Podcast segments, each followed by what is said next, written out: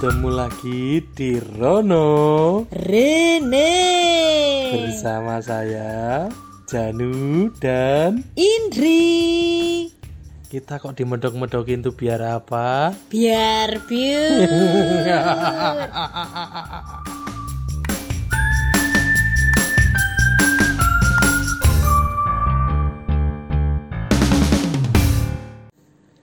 Halo ketemu lagi di Rono Rene Podcast. Masih dengan aku Janu dan Indri. Ya kali ini agak sedikit berbeda ya. Udah lama kita nggak bikin podcast. Kali ini semoga podcast ini bisa mengobati kerinduan kalian akan kita. Kali ini apa Eh, kita bukan membahas hal-hal yang berat tapi seperti biasa kita membahas hal-hal yang ada di sekitar kita terutama ini tentang profesi. Kadang-kadang orang galau nih tentang profesi.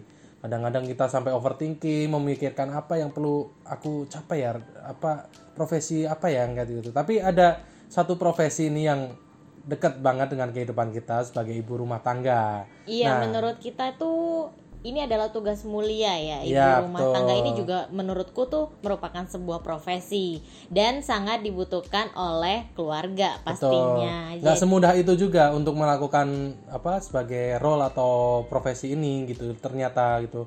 Ada berbagai macam jatuh bangunnya juga untuk menjalani profesi ini terutama sebagai apa seorang istri dan juga sebagai seorang ibu itu kan juga bukan hal yang mudah gitu loh. Iya kalau ternyata digali lagi jadi ibu rumah tangga itu merupakan pekerjaan yang lebih berat ternyata. Dia tuh tanggung jawabnya banyak double-double.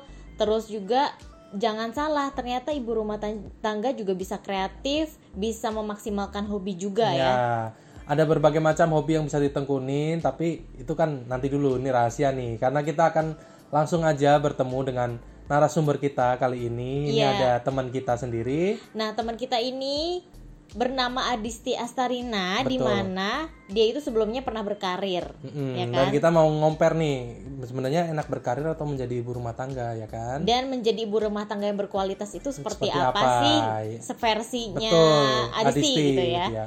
Ini semoga uh, perbincangan kita dengan Adisti nanti bisa berguna bagi kalian pendengar-pendengar kita supaya uh, pada nantinya ketika ada apa kegalauan atau apa tinggal dengerin podcast ini semoga bisa menjawab kegalauan kalian. Oke, langsung, aja. kita sapa Adisti, Adisti Astarina. Astarina. Janu Indri apa kabar? Ah, baik, baik. Kamu masih tetap aja Alhamdulillah. lucu. Apa? Kamu masih tetap efek aja lucu. efek kamera, efek kamera. Makin ke sini tuh makin berubah ya zaman ya. Maksudnya Hmm, eh, benar. ibu rumah tangga di mata kita itu udah beda sama ibu rumah tangga di mata yang dulu. Di mata Ya, di orang-orang masa lalu. gitu. Maksudnya eh, ada banyak influencer yang juga jadi ibu rumah tangga, juga malah bisa jadi eh, konten kreator juga gitu kan. Malah ada juga ibu rumah tangga yang nyambi bisnis. eh, sebagai MUA kayak gitu-gitu Ya, kan. Iya, kecil-kecilan. bisnis kecil-kecilan. besar-besaran. Juang recehan ya. Juang recehan. Atau bisnis besar-besaran, siapa tahu ya kan? Ya amin ya Allah. Nah, kita mau tanya-tanya nih eh, Disti yang sebetulnya kan awalnya sebetulnya eh, berangkat dari eh, wanita karir istilahnya yang punya cita-cita juga gitu kan. Dan eh, memutuskan untuk jadi ibu rumah tangga itu kan sebenarnya kita mempertanyakan tuh bukan berarti itu nggak baik, malah justru kayak eh, pertimbangannya dari Disti sendiri itu gimana gitu. Nah, ini aku mau nanya nih eh, awal kepikiran kamu awal kepikiran kamu jadi buruan. Tunggu aku lupa sama pertanyaannya. Awal kepikiran kamu menjadi ibu rumah tangga kan padahal kamu juga berkarir juga gitu loh dulunya kan. Hmm. Kan kamu nggak tiba-tiba pertama kali lulus kuliah nggak langsung langsung wah aku ibu rumah tangga aja Iya, gitu kan kayak iya, gitu. heeh. Kan kamu pernah bekerja juga kayak gitu. Gimana sih Iya, benar. karena ada pergolakan apa sih sehingga apa, akhirnya kepikiran ya udahlah nggak Heeh. apa-apa aku jadi ibu rumah tangga gitu. Jadi awalnya itu kepikiran nggak kepikiran ya, maksudnya eh, kepikiran itu aku menyadari bahwa kodrat aku tuh sebagai wanita jika nanti misalnya aku punya suami, punya anak gitu kan aku harus eh, menjalankan tugas aku sebagai istri dan sebagai ibu yang baik untuk anak-anak aku. Nah, waktu aku dapat kerjaan itu kan ceritanya aku merantau ke Jakarta nih, terus dapat kerjaan uh, sempat kepikiran gitu uh, enak ngejalanin kerjaan, tapi uh, apa ya jalanin kerjaan terus enjoy terus sama suasananya orang-orangnya dan pekerjaannya juga yang sebenarnya fun gitu. Terus ketika aku ternyata dapet jodoh jadinya uh, itu juga rezeki juga buat aku gitu dan aku rasa uh, aku harus uh, menjalankan tugas aku gitu sebagai seorang istri dan sebagai seorang ibu. Ya dengan cara uh, aku merelakan sebagian mimpi aku untuk keluarga aku gitu. Jadi ya antara kepikiran dan nggak kepikiran sih sebenarnya gitu kan. Jadi awalnya ya namanya anak muda ya jadi enjoy udah ngejalanin dunia kerja ketemu orang-orang segala macam. Jadi adalah sedikit ambisi dulu untuk menekuni kerjaan yang pernah aku kerjakan. Tapi setelah aku menikah aku juga kepikiran berkomitmen buat benar-benar istilahnya berbakti kepada suami dan mengabdikan diriku untuk anak-anak. Gitu sih. Dulu tuh cita-citanya waktu abis kuliah atau mungkin sebelum kuliah deh kamu tuh sempat bermimpi apa sih sebenarnya mau kerja di mana gitu? Namanya anak-anak ya dulu tuh kepikiran sempet jadi, pengen jadi diplomat, pengen jadi dosen, pengen jadi uh, apa karyawan yang karirnya bagus gitulah berjenjang, terus pengen juga jadi PNS. Tapi aku terjun ke dunia kerja yang tanpa sengaja uh, malah bikin aku uh, kepengen menekuni dunia itu gitu loh kan. Uh, aku keterima kerja di salah satu stasiun TV masa kini bareng kalian. Iya, baik. Gak usah di stop juga nggak apa-apa. Masih ada kok, masih ada. oh iya, sempat liputan juga sama kamu ya? Iya, iya, ya? iya, benar-benar. Awal-awal masih di liputan Sama Indri juga, ya ampun. Tim pergi malam pulang pagi. Iya. Iya.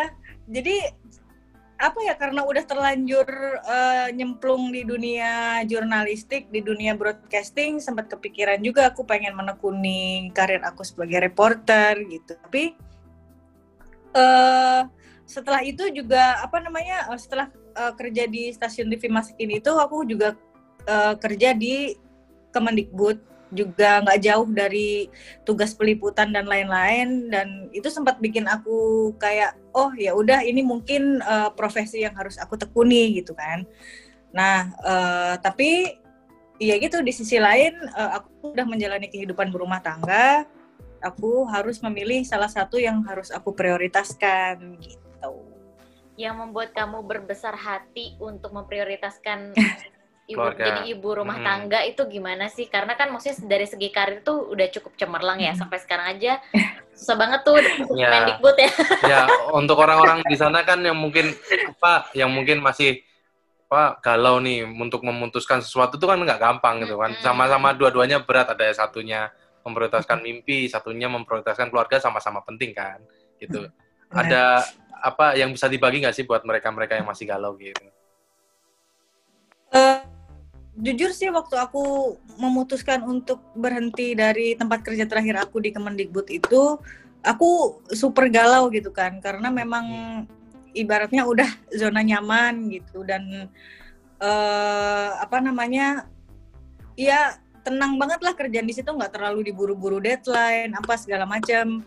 Tapi ketika aku udah punya anak kan waktu aku keluar dari Kemdikbud itu aku uh, punya anak pertama kan baru lahiran tiga bulan apa anak aku umur tiga bulan aku memutuskan untuk keluar dan aku baru menyatakan keluar itu dua minggu setelah eh sebelum masa cuti melahirkan aku habis Oh. Jadi waktu itu aku minta pendapat nih ke keluarga aku, ke orang tua aku, ke ibu mertua, ke bapak mertua, sampai ke neneknya suami pun aku ngobrol. Nah, sama neneknya suami ini aku yang ngobrol dari hati ke hati gitu loh. Dan beliau uh, almarhum neneknya suami ini ngasih kayak pandangan gitu. Terutama lebih ke anak sih gitu kan.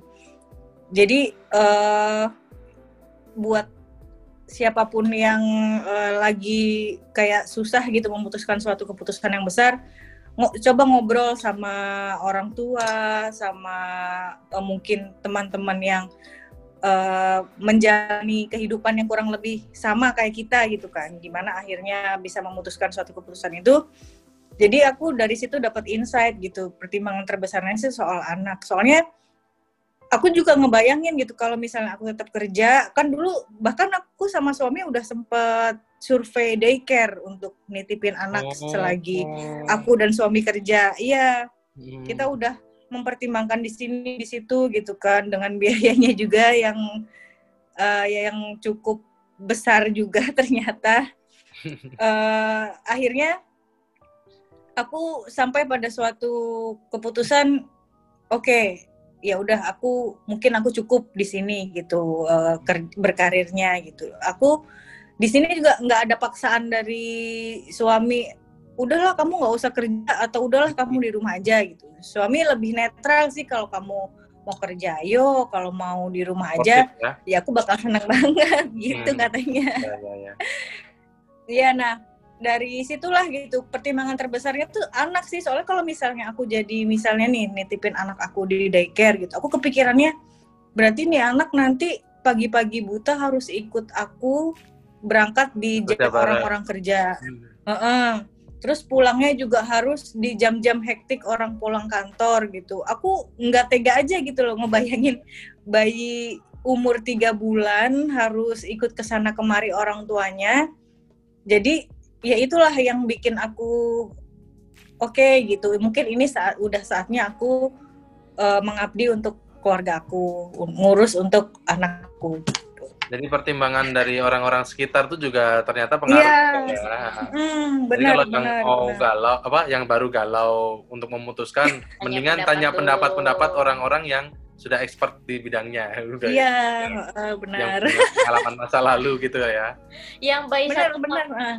Yang bayi waktu umur 1 sampai 2 bulan itu kamu masih ngurus sendiri? Hmm karena masih cuti. Iya, aku hmm, masih cuti lah. Aku ngurus sendiri karena kan sejak nikah aku sama suami udah tinggal pisah dari ibu mertua dan orang tua aku juga kan ada di kampung. Jadi uh, ya itu anak aku semenjak keluar dari rumah sakit udah aku yang ngurus. Mungkin sesekali aku pulang ke rumah ibu mertua atau orang tua aku yang datang ke Jakarta tapi mostly 90% anak aku aku urus sendiri sama urusan rumah. Hmm. gitu. Oke oke bentar lihat apa contekan oke uh, waktu awal-awal kamu jadi ibu rumah tangga. Nah ini intinya memasuki kehidupan yang baru lah istilahnya nah uh, awal-awalnya ini kamu gimana sih menyesuaikannya lalu juga nyambi sambil menekuni hobi gitu. Bisa diceritain nggak? Ya. Awal-awalnya sih pasti penyesuaiannya tuh nggak gampang ya, soalnya kan kita pertama kita harus nah apa e, menyesuaikan ritme ngurus anak, ngurus kerjaan rumah sama ngurus keperluan yang lain gitu kan. E, jadi aku sih pertama itu prioritasnya adalah uh, ngatur uh, skala prioritas. Jadi apa-apa dulu yang harus aku kerjakan di rumah.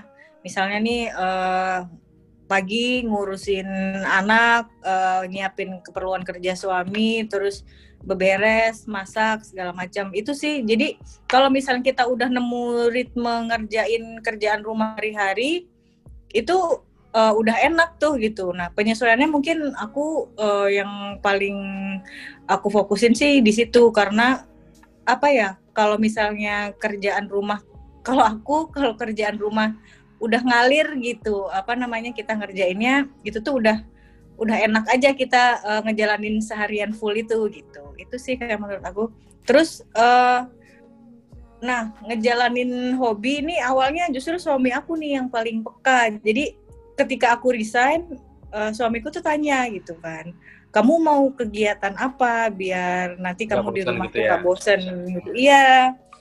Eh, aku sempat mikir apa ya? Gitu. Nah terus suamiku tuh nyeletuk "Eh, kamu nggak mau kursus makeup aja? Gitu. Kan kamu suka tuh eh, apa makeup makeup apa dunia pokoknya dunia kosmetik gitulah gitu. Justru aku sama sekali nggak kepikiran yang paling peka tuh suamiku gitu. Aku justru berterima kasih sama dia. Iya jadi jadi dulu itu akhirnya ya udahlah cari-cari info lah tentang eh, kursus makeup gitu. Akhirnya oke gitu oh iya ya gitu Eh, boleh juga nih kursus makeup. Akhirnya ketemu gurunya. Akhirnya saat anak aku usia kurang lebih lima bulan aku tuh mulai eh, kursus makeup. Jadi kursus makeupnya dulu tuh ambil ambil eh, paket yang intensif tiga bulan Hmm. yang sebulan eh seminggunya itu eh, satu kali pertemuan jadi kebayang dong eh, punya anak bayi tapi harus kursus. tapi sambil kursus iya dan iya. untungnya dan untungnya gurunya tuh mau gitu dipanggil ke rumah gitu dan Hmm. yang pun eh, baik banget tuh apa guru makeup aku namanya eh, Mbak Yani kalau boleh disebut namanya Bapak. jadi Boleh dong. beliau tuh jadi beliau tuh malah kadang kalau misalnya anak aku nangis beliau yang gantian gendong atau gantian yang ngajak main jadi Iya aku beruntung banget gitu bisa ketemu guru yang ngerti kondisi aku Kondisi. seperti apa Mm-mm. dan beliau juga apa ya bisa memahami gitu loh antara kondisi dan semangat belajar aku untuk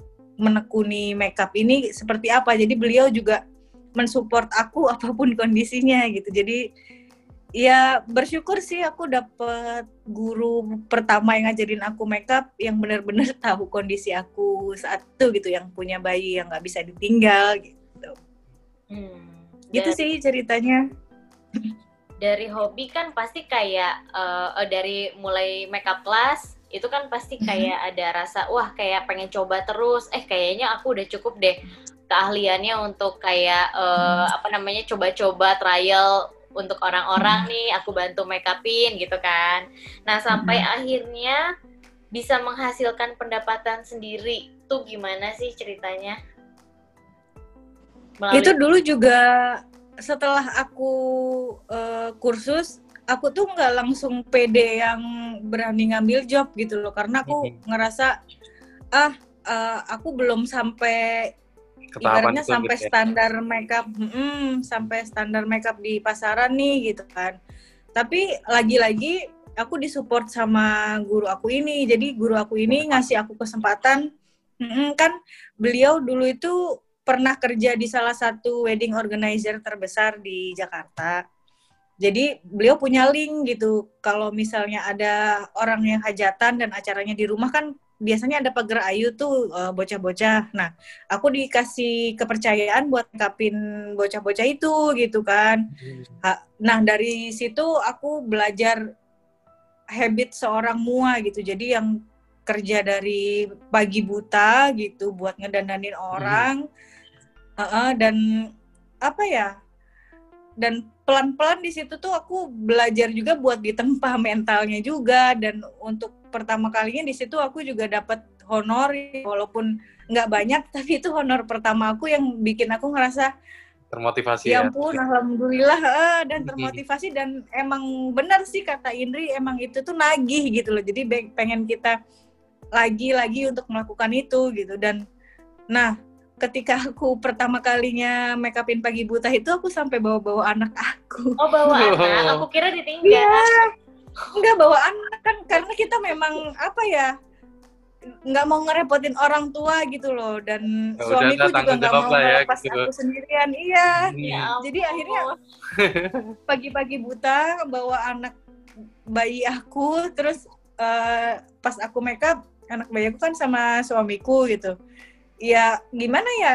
Ya pastinya pikiran terpecah gitu kan antara Gimana ya? fokus sama makeup dan aduh rewel nggak nih Iya. nanti anak aku? gitu. Iya iya iya tapi itu masih gimana ya mau nggak mau harus kita jalani. Itu konsekuensinya. Dan satu hal eh, yang sampai saat ini aku pegang tuh kalau misalnya aku melaku, mau melakukan sesuatu kegiatan aku terutama untuk yang kerjaan harus benar-benar memastikan kebutuhan anak kita tuh udah tercukupi. Maksudnya makanannya udah siap susunya udah siap atau kalau misalnya kita kan kalau sekarang sih masih bisa ditinggal-tinggal sama ibu mertua ya jadi kadang uh, harus udah mandi dulu sebelum kita tinggal apa segala macam. Jadi biar nggak ada kepikiran bisa mungkin gitu ya. benar. Dan dan kita juga nggak terlalu ngerepotin orang yang dititipin ya, gitu. ya. karena tanggung jawab kita sebenarnya tuh ya untuk anak kita gitu. Nggak boleh nggak boleh di skip sama sekali. Ya udahlah gitu. Kita tinggal tinggal gitu. Nomor satu tetap anak ya baru benar. Yang dikerjakan benar. Iya. Nah benar-benar uh, kamu ceritain soal uh, dari sisi kamu yang menekuni uh, makeup gitu kan.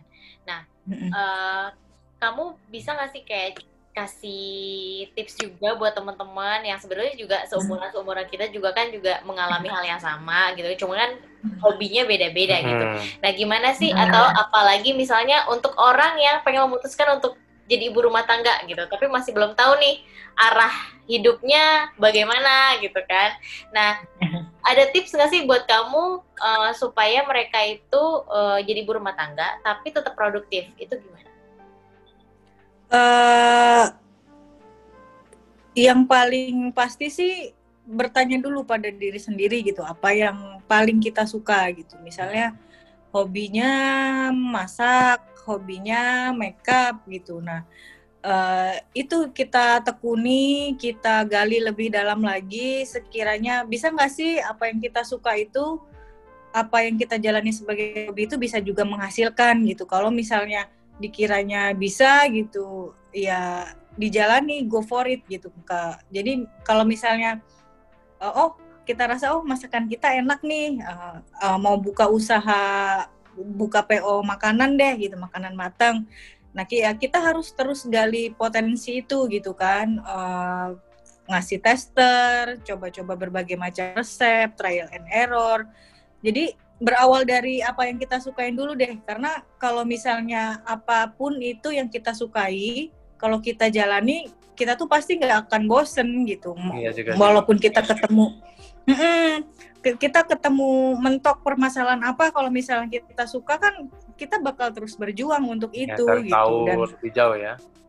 Uh, uh, benar. Dan sekarang juga banyak kok pengusaha-pengusaha yang aw berawal dari hobi dari kesukaannya masing-masing. Misalnya ada yang suka sama fashion ada yang suka sama uh, apa apa sih uh, yang sekarang lagi itu kan uh, suka jajan-jajan kopi malah jadi oh, jualan iya, iya. kopi kan iya, iya. Uh, bisa kan berawal dari situ gitu jadi tanya diri sendiri dulu apa yang kita suka.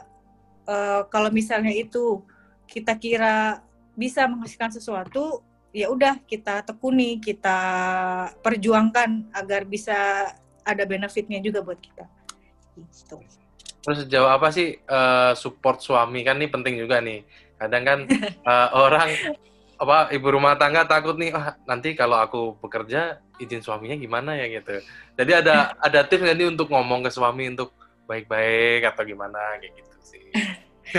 Kalau ya support suami itu yang paling penting nah, ya karena kan kan kita yang hari-hari ketemu sama dia, kita tukar pikiran juga sama dia, kita ngasih apa ya yang ngasih feedback tentang usaha kita juga orang pertama juga pasti suami ya, kan. Dulu malah waktu aku awal-awal apa uh, ngejob makeup yang paling uh, sering komen ih kayaknya alisnya kurang ini deh. Itu tuh suami aku. Malah lebih teliti ya? Lebih teliti iya, lama-lama. dia yang paling jeli. Ya. iya. masa sih kan perasaan itu alisnya udah simetris deh gitu kan. Iya ini kayaknya kurang deh gitu. Jadi apa ya nah itu juga apa namanya uh, ridho suami sih yang paling penting. Kalau misalnya suami kita udah ridho suami kita udah ngasih izin ke kita untuk ngelakuin hobi kita yang menghasilkan itu uh, apa ya kita ngejalanin itu lebih tenang gitu kan. Jadi kalau misalnya suami udah ngizinin berarti dia udah nggak asing lagi sama apa yang kita ya, kerjakan betul. sama wajib ya berarti ya. lingkup kerja. Hmm, karena kan kalau aku uh, ke mana-mana mereka diantar sama suami kan karena kan kerjanya pagi buta gitu dulu kan. Jadi dia tuh nggak rela gitu kalau misalnya aku harus ngegrab harus ya. apa namanya apa uh, sama orang lain gitu dia eh, nggak uh, rela gitu. Jadi harus dia sendiri yang nganterin sampai depan rumah klien juga dia gitu kan. Uh, dan apa ya dan suamiku juga pernah bilang sih dia support banget uh, terutama dengan uh, bidang makeup yang lagi aku tekunin ini ya walaupun aku belum uh, jadi mua yang pro banget tapi dia selalu berpesan gini cita-cita uh, aku sih aku pengennya kamu bahkan aku pengennya kamu lebih kaya dari aku gitu. Jadi nanti kalau misalnya iya nama namanya umur nggak ada yang tahu ya jadi kamu tuh bisa mandiri nggak nyusahin orang lain jadi kamu bisa survive buat anak-anak gitu Ya, ya. Iya, sedih Untuk... juga sih sebenarnya dia bilang gitu. Uh, uh, tapi ini di buat suami-suami juga... sana ya harus eh apa suami-suami di luar sana harus mendengarkan juga ini yang jadi ini bukan podcast buat buat doang ini juga gitu. Karena support suami iya. juga penting kan berarti gitu kan. Nah, benar. iya, jadi si istri juga nge ngejalaninnya juga pasti lebih semangat gitu. Dia juga bilang ya aku pengen kamu lebih kayak dari aku bukan aku ingin lepas tanggung jawab gitu tapi aku lebih ke kamunya gitu mempersiapkan hmm. uh, agar kamu lebih mandiri. Kan kita nggak tahu apa yang bakal terjadi gitu. Jadi seenggaknya aku tenang gitu kalau misalnya udah kamu udah bisa berdiri sama dua kaki kamu sendiri gitu. Hmm. keren keren keren. Tuh suami-suami yang ada di luar dan calon calon suami iya kalau kamu sekarang lagi hobi apa? Maksudnya uh, kayaknya kontennya sekarang lagi masak ya? Iya itu aja soalnya uh, yang paling gampang, yang paling bisa aku tekuni yaitu sekarang di samping makeup ya masak gitu. Karena Iya kan untuk masakan keluarga sehari-hari uh, karena aku punya anak kecil jadi aku harus masak gitu biar uh, nutrisi dan masakannya itu tetap terjaga gitu. Nggak pakai mecin ya nggak pakai apa namanya bahan-bahan yang uh, tidak ramah anak-anak gitu. Jadi ya hobi aku ya itu uh, masak mencoba resep baru gitu. Kadang juga apa namanya coba-coba resep dari mama dari orang tua juga yang kiranya belum pernah aku masak. Nah, ini juga uh, kadang kenapa aku suka masak? Karena kadang kan aku tuh suka kangen masakan mama kan. Kan aku tinggalnya jauh uh, mama di kampung aku di Jakarta. Kadang aku tuh mah aku kangen deh masakan mama yang ini. Terus aku ngobrol sama mama resepnya apa sih mah gitu gini gini gini. Oh ya udah aku coba bikin. Nah dari situ uh, aku kayak ketagihan gitu loh ke setiap aku hmm. kangen masakan mama. Akhirnya aku bikin mencoba buat bikin sendiri gitu uh, karena jauh kan coba kalau dekat kan tinggal telepon mah kirimin dong gitu. Iya benar juga sih. Jadi jadi ada bagusnya juga gitu. Uh, aku jadi semakin penasaran buat mengasah skill masak aku gitu. Dan itu juga bisa jadi apa ya kayak terapi juga gitu buat ngilangin kebosanan di rumah gitu. Berkutat dengan bumbu dengan bahan baru itu juga jadi hiburan tersendiri juga buat aku gitu terus pernah nggak sih ketika sesuatu suatu hmm. ketika hmm. gitu loh uh, uh, hmm. hobi yang kamu tekuni atau pekerjaan yang kamu tekuni itu hmm. malah membuat kamu uh, sibuk banget gitu ada masa itu nggak sih jadi uh, apa emosinya memuncak gitu-gitu pernah nggak sih atau ya udahlah di, dijalani secukupnya aja habis itu disesuaikan atau gitu ya itu kan juga memanage stresnya itu gimana sih sebenarnya kan pasti stres dong pernah sih. Setahun set, set, antara setahun atau dua tahun kemarin tuh alhamdulillah gitu kan uh, makeup yang aku tekuni ini mulai dikenal orang gitu. Ya walaupun apa namanya uh, baru beberapa gitu tapi menurut aku tuh udah alhamdulillah banget bersyukur banget aku udah bisa ngehandle uh, klien buat wedding klien buat uh, lamaran bahkan aku pernah uh, ngisi ya beauty class ala-ala gitulah gitu kan untuk hmm. acara yang diselenggarakan sama salah satu komunitas hijab di Cibubur gitu. Hmm. Itu du, antara dua atau satu tahun yang lalu tuh momen-momen yang paling apa ya kalau dari segi uh, segi usaha mungkin alhamdulillahnya cuan gitu ya tapi di sisi lain juga aku stresnya uh, ngurus harus harus ngurus rumah juga harus nah, ngurus ya, anak dan di situ juga lebih apa ya capeknya tuh double gitu loh. Kan kita uh, eh walaupun aku nerima kerjaannya di weekend tapi tetap aja gitu. Kan weekend mungkin kita waktunya istirahat atau segala macam gitu. Aku sempet yang aduh kayaknya aku eh, nggak uh, kuat deh gitu kan udahan aja tapi gitu. di sisi lain uh, udahan aja gitu. Tapi di sisi lain juga aku ngelihat ke belakang gitu loh. Aku ngerintis uh, hobimu aku ini dari anak aku bayi. Dia aku ajak ke sana kemari buat apa namanya kerjaan gitu. Jadi aku harus ngelakuin ini sebaik-baik yang aku bisa gitu. Karena nanti jika aku ceritakan sama anak aku nanti kalau dulu bunda bawa-bawa kamu loh waktu kamu masih bayi gitu. Jadi ada yang bisa sedikit aku banggakan ke anak aku gitu nantinya gitu. Itu sih yang bisa apa namanya yang yang jadi patokan aku kan ya. mm, kan kalau makeup. kan harus harus berangkat pagi buta sementara kalau misalnya pulang tuh suka tengah hari gitu kan udah nyampe rumah lagi. Kan kalau misalnya mau yang biasa mungkin bisa leyeh-leyeh gitu apa segala macam tapi ketika nyampe rumah ya udah gitu. ada lagi. aku sebagai ibu? Iya sebagai istri. Kadang Lanjut. anak aku. Kadang anak aku yang maunya gelendotan dulu sama aku belum makan maunya disuapin sama aku ya itu aku harus harus jalani gitu. Dan ya memang itu konsekuensinya gitu. Jadi untuk memecah stresnya jadi skala prioritas tetap penting ya. Maksudnya uh, harus 100% rumah juga harus 100% gitu ya. Benar, iya. Berarti 200%. Iya. iya benar.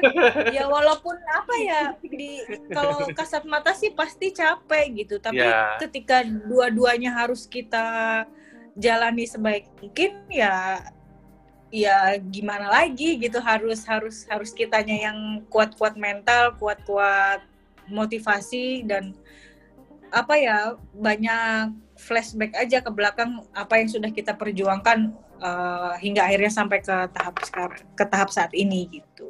Ya kuncinya selalu melihat ke belakang untuk jalan lagi ke depan gitu kan? Iya benar. Wah, kan mantap kan? Kalau sekarang tapi kamu masih MU ah? Kalau sekarang karena punya bayi lagi, aku udah stop sih vakum dari sejak aku hamil besar menjelang hmm. lahiran. Aku stop gitu. Tapi untuk terakhir itu aku ngadain promo gitu bagi yang mau gitu. Boleh datang ke rumah gitu kan. Oh, aku nggak aku belum bisa dulu ya, ya, ya. apa namanya uh, datang ke rumah-rumah klien seperti biasanya. Hmm, benar. Nah uh, setelah lahiran tuh sempat kepikiran sih mau terjun lagi tapi kan setelah aku lahiran tuh pandemi begini ya jadi yeah. mau nggak mau aku harus vakum dulu untuk waktu yang sampai belum bisa ditentukan kapan ini normalnya gitu karena ya mungkin ada sebagian teman-teman yang udah mulai beraktivitas tapi karena ini lagi pandemi begini aku nggak tahu virus itu akan hinggap iya, uh, iya, iya siapa yang membawa virus gitu hmm. gitu kan aku kembali lagi prioritasin aku untuk ya. anak-anak yeah. dulu gitu karena kalau misalnya aku sakit gimana dua ya. anak-anak aku lebih kasihan lagi mereka gitu mencegah nah, lebih baik ya iya apa masa pandemi kayak gini nih berarti mm -hmm. uh, perbedaannya gimana nih antara yang waktu hidup normal sebelumnya sama sekarang dalam berumah, dalam mengurus rumah tangga tuh bagaimana perbedaannya Kan full nih di rumah. Perbedaannya sih. Kenapa? Jadi full di rumah kan sekarang berarti. Iya, benar. Dan gimana? apa ya? Kerjaannya tuh kayak 24 jam full gitu loh. Jadi yang perbedaannya sih pasti yang paling utama tuh uh, dalam rumah tangga ya di pandemi gini tuh harus harus berhemat sih kita gitu kan pengeluaran harus disayang-sayang karena kita nggak akan tahu apa yang terjadi gitu apalagi uh, pekerja di dunia kerjaan gitu kan nggak tahu ya gitu. Jadi harus harus harus berhemat. Dan untuk aktivitas sih untuk aktivitas uh, ngurus urusan rumah tangga kayak nggak ada berhentinya gitu loh. Dari sehari itu hmm. dari pagi ngurus anak uh, terus nanti lanjut segala macam yang jadi harus lebih standby untuk suami gitu kan. Kalau dulu suami kalau misalnya lagi kerja di kantor gitu kan makan siang dia di sana di luar. Nah hmm. sementara kalau di rumah kita harus juga nyiapin tanya uh, uh, udah bisa ditinggal makan belum? Gitu kan. Ini nanti aku siapin makanannya ya gitu. Hmm. kayak yang harus harus standby juga gitu. Jadi apa ya ya har- peran ibu rumah tangga di era pandemi ini bener-bener Bakal nggak ada habisnya juga Iya, gitu benar. Heeh, ibarat ibarat warung tuh warteg buka 24 jam Iya. Bukan sampai malam. iya bukan sampai malam gitu jadi harus siap siaga gitu jadi kalau misalnya suami udah buka-buka kulkas nih kan wah ini berarti nyari cemilan nih kita bikin cemilan apa ya Oh iya juga. apa ya di rumah gitu Tapi Iya. suami eh, WFH full ya berarti ya? Kali iya? WFH full Oh. WFH. Se- dia udah WFH tuh sejak aku habis lahiran anak kedua aku dari bulan Maret sampai sekarang dia Oh, WFH di full. rumah. Eh, terus Heeh. kan eh, anak yang pertama nih kan baru apa aktif-aktifnya nih. Dan kan Hmm. ya pasti bosen dong kalau kalau Hmm. kita yang udah tua-tua ini atau bapak ibunya lah pasti nggak apa-apa lah di rumah gitu. Kalau anak kecil yang masih aktif-aktifnya nih eh, menghandle kebosanan mereka gimana sih? Iya, anak yang anak aku yang pertama kan usianya empat tahun. Hmm.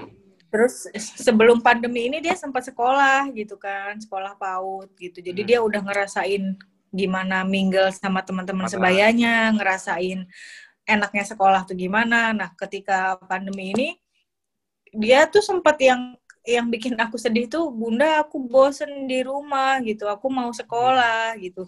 Jadi kayak yang rasanya tuh nyes gitu kan di hati Iya ya Allah nah gitu kan.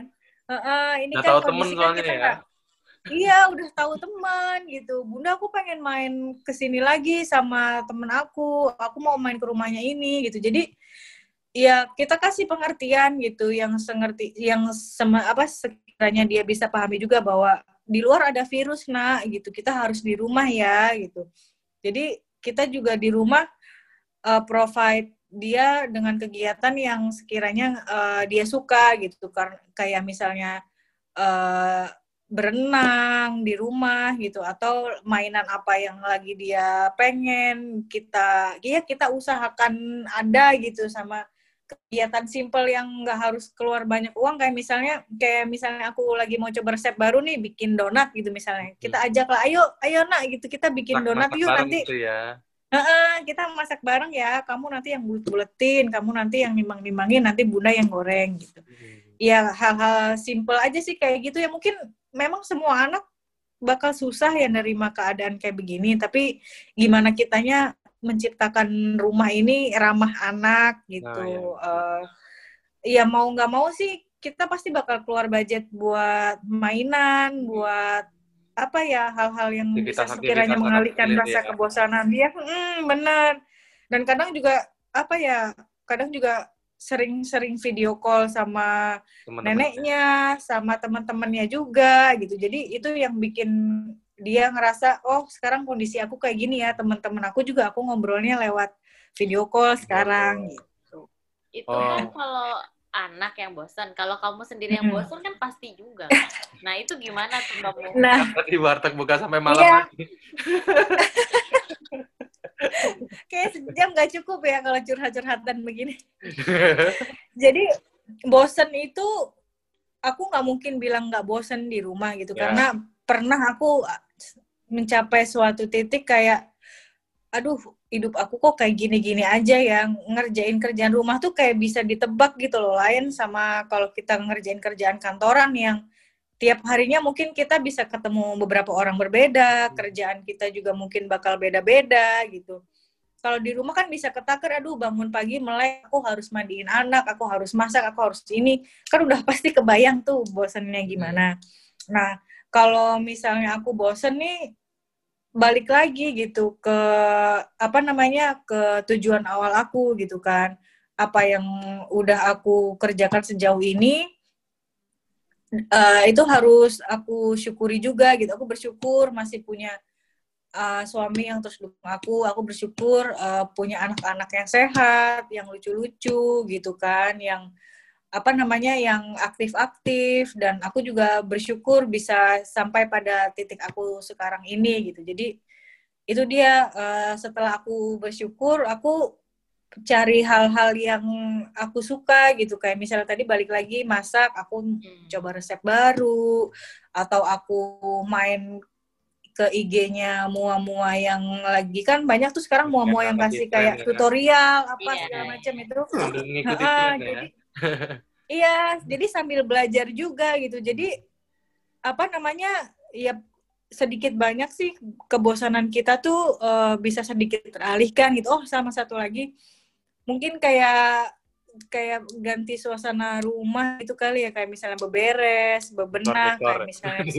Heeh, sesimpel ganti piring makan atau Ya, segala iya, yang Iya iya iya. yang tetap tetap hal-hal yang nggak jauh dari kita kerjakan tapi memberikan efek ya. yang heeh, re- refresh uh, our mind gitu apa tentang rutinitas yang udah sehari-hari kita kerjakan gitu sih. Nah, itu dia apalagi kan tugas ibu rumah tangga ini sebenarnya berat juga gitu kan karena kalau misalnya orang kerja mungkin bisa cuti, mungkin hari libur weekend, tapi kalau ibu rumah tangga ini selama 365 hari itu harus siap sedia gitu Iya. dan yang pasti tuh nggak boleh sakit. Iya, iya. Kalau misalnya ibu rumah tangga sakit, wah itu ambiar si rumah-rumah. Iya. Oke oke oke. Nah, eh, kamu kan ya istilahnya ya udah apa ya udah udah merasakan lah eh, apa istilahnya ya bahagianya, bosannya, sedihnya jadi ibu rumah tangga istilahnya kayak gitu. Nah, eh, buat orang-orang yang memulai kamu ada tips nggak sih kayak eh, gimana sih cara membahagiakan diri sendiri eh, apa untuk seorang ibu rumah tangga gitu kan. Hmm. terus eh, supaya nggak bosan terus ya buat memotivasi teman-teman lainnya juga gitu. Eh yang pasti sih harus tetap semangat karena peran kita sebagai ibu rumah tangga itu kan seumur hidup ya uh, lifetime. Kalau misalnya orang berkarir bisa resign orang kerjaan bisa pindah kerjaan tapi kita harus benar-benar mendedikasikan diri kita seutuhnya berkomitmen buat keluarga gitu. Ya kalau misalnya dibayangin ya emang bakal serem banget gitu kan. Karena untuk jadi ibu rumah tangga itu nggak ada sekolahnya nggak ada tutorialnya.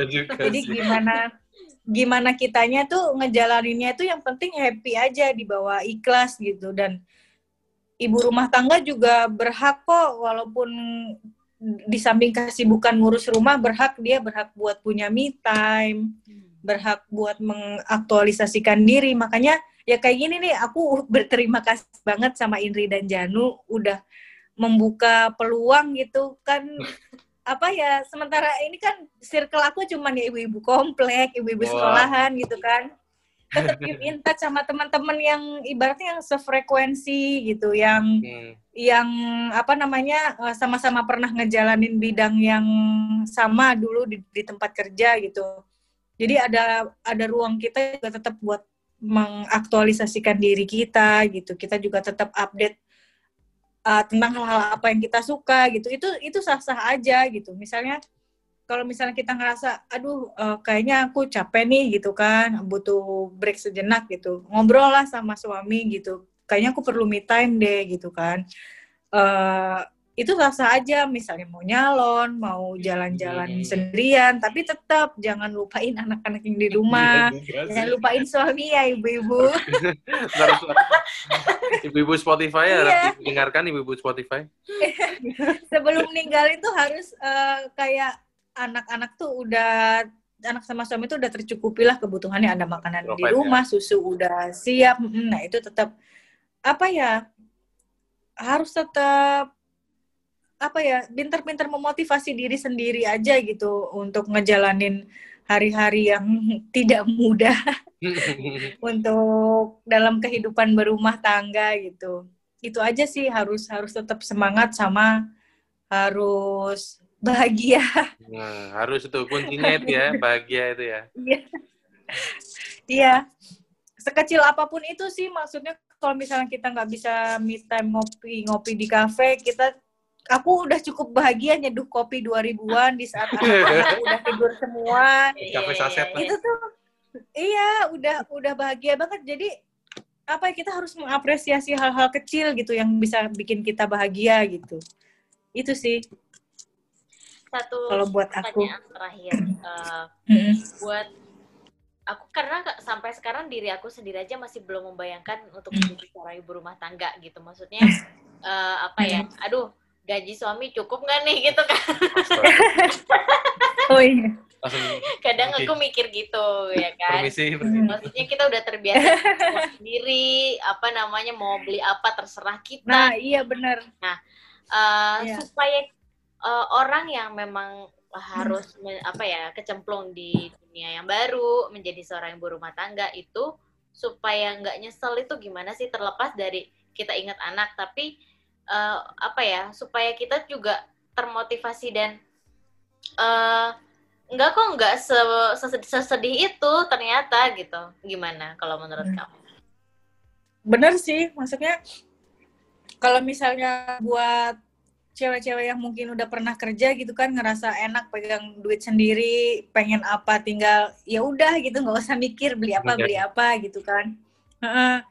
Kalau menurut aku sih jangan pernah mikir kita akan kekurangan rezeki kalau misalnya kita mau berumah tangga ya karena ya percaya nggak percaya ketika kita udah mengikhlaskan karir kita, mengikhlaskan gaji kita tuh rezeki suami dari di suami itu bakal dilipat gandakan gitu sama Amin. Tuhan gitu kan dari mana caranya gitu.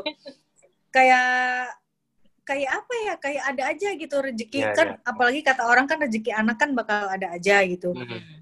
Iya jangan pernah takut untuk kekurangan gitu ya walaupun emang di awalnya kita ngerasa kalau kita pengen apa-apa sekarang harus ditahan Ha- apalagi kalau udah punya anak kan harus ngeduluin anak gitu ya gimana ya itu tadi sih kuncinya tuh ikhlas aja sama ya udah nggak usah terlalu mem- memikirkan besok kita dapat duit dari mana lagi. Yang penting eh, anak anak anak udah tercukupi dapur udah nge- masih bisa ngebul gitu kan. Itu udah udah alhamdulillah banget gitu.